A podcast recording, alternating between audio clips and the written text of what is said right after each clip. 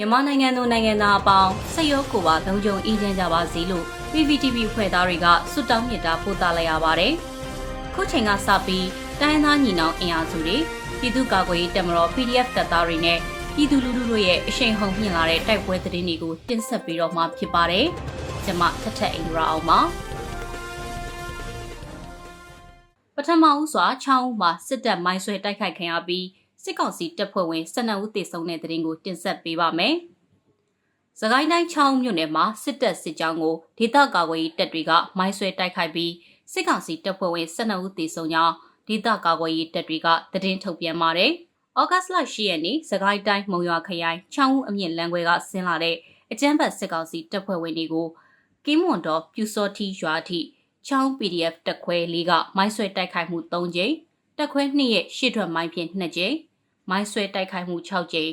ချောင်း PDF ရွေးရှားတက်စိတ်နဲ့ထိတွေ့မှုတစ်ကြိမ်တိုက်ခိုက်ခဲ့ကြောင်း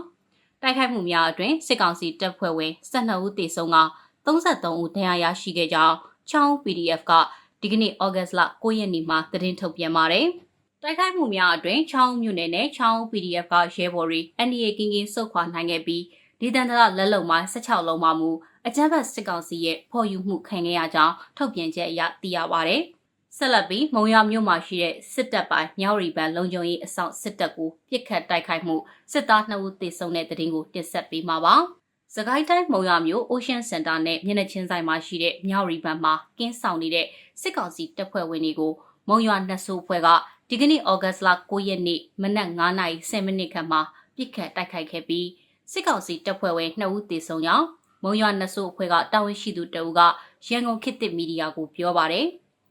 အဆိုပါပြစ်ခတ်မှုဖြစ်စဉ်ပြီးမှဒေသခံကာကွယ်ရေးတပ်ဖွဲ့တွေအထိခိုက်မရှိပြန်လည်ဆုတ်ခွာနိုင်ခဲ့ပြီးစစ်ကောင်စီတပ်ဖွဲ့ဝင်2ဦးသေဆုံးပြီး2ဦးထိခိုက်ဒဏ်ရာရရှိခဲ့တယ်လို့မုံရွာနှဆိုးအဖွဲ့ကအတည်ပြုပြောဆိုပါတယ်။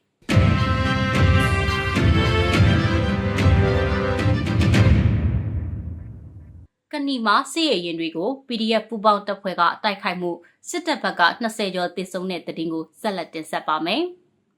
စကိုင်းတိုင်းကဏီမြို့နယ်ချင်းတွင်းပြည်ကျောင်းအတိုင်းစံတက်လာတဲ့စစ်ရရင်တွေကိုမွေဝိုင်းတောင်အနီးမှာဒေသကာဝေးတပ်ဖွဲ့တွေကတိုက်ခိုက်ရာစစ်ကောင်စီဘက်က20ကျော်သေဆုံးကြောင်းအာနာရှင်တော်လှန်ရေးပြည်သူ့တပ်မတော် DRPA ကတာဝန်ရှိသူတဦးကဆိုပါတယ်။အောက်ဂတ်စ်လ9ရက်နေ့မှာစစ်သည်မော်ဒဇီနဲ့ထောက်ပို့မော်တော်ယာဉ်၃စီးကို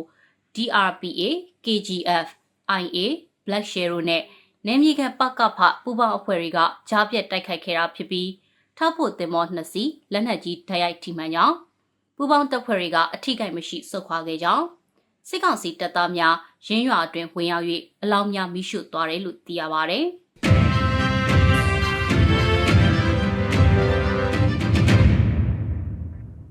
နောက်ဆုံးအနေနဲ့ဆယ်စင်းမှာစစ်ကောင်စီတပ်နဲ့ရှမ်းနီတပ်ထိခိုက်ဒေဆုံးမှုများပြား KIA ဘက်ကကားနှစ်စီးအပြည့်လက်နက်များသိမ်းယူနိုင်တယ်ဆိုတဲ့သတင်းကိုတင်ဆက်ပေးပါမယ်။ ဖားကတ်မြို့နယ်ဆယ်စင်းကြီးရွာဩဂတ်လ10ရက်နေ့တိုက်ပွဲမှာစစ်ကောင်စီတပ်နဲ့ရှမ်းနီ SND တပ်ဖွဲ့ဝင်စုစုပေါင်း20ဦးထပ်မံတေဆုံးပြီးလက်နက်ပစ္စည်းအများအပြားကို KIA ကသိမ်းယူနိုင်ခဲ့ကြောင်းဒေတာရင်းသတင်းရင်းမြစ်တအုပ်ထံကနေသိရပါဗျ။ဆယ်စင်းနီးဆယ်ကုန်းမှာရှိတဲ့စစ်ကောင်စီတပ်စခန်းတစ်ခုနဲ့ရွှေပြည်မြင့်ရွာဖုန်ကြီးကျောင်းအနီးမှာရှိတဲ့ရှမ်းနီအမျိုးသားများတပ်မတော် SND စခန်းနှစ်ခုကိုကချင်လွတ်လပ်ရေးတပ်မတော် KIA တပ်ရင်း26နဲ့ PDF တွေဝင်ရောက်တိုက်ခိုက်ခဲ့ပြီးတဲ့နောက်လက်နက်ခဲယမ်းများတင်စီရမိခဲ့ခြင်းဖြစ်တယ်လို့ရှေ့တန်း KIA နဲ့နှီးဆက်သူဒေသခံတအူကအတည်ပြုပြောဆိုပါရယ်